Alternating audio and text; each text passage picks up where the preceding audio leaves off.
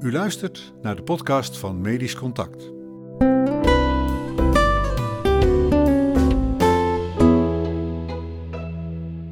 Een hoofdredactioneel commentaar van Berto Nieboer. Wat hebben Rusland, China en de borderline persoonlijkheidsstoornis met elkaar gemeen? Grosso modo kun je stellen dat ze alle drie met bepaalde vooroordelen te maken hebben. Uh, onderdrukking, goedkope spullen en moeilijke patiënten zouden zomaar eens ook uw associaties kunnen zijn. Een andere overeenkomst is dat ze deze week een prominente rol spelen in dit eerste nummer van vier zomeredities, zoals u ze inmiddels van ons kent. Het eerste zomerinterview is dit jaar met de Russische arts en schrijver Maxim Ozipov.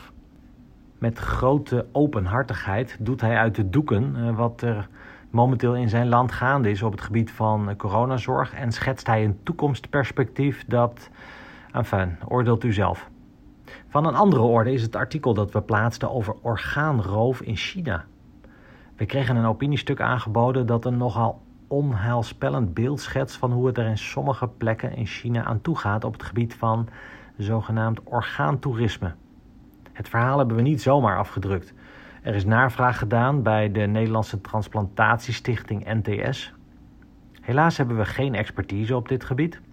En bij de Nationaal Rapporteur Mensenhandel. U kunt het beste uw vragen aan de NTS stellen.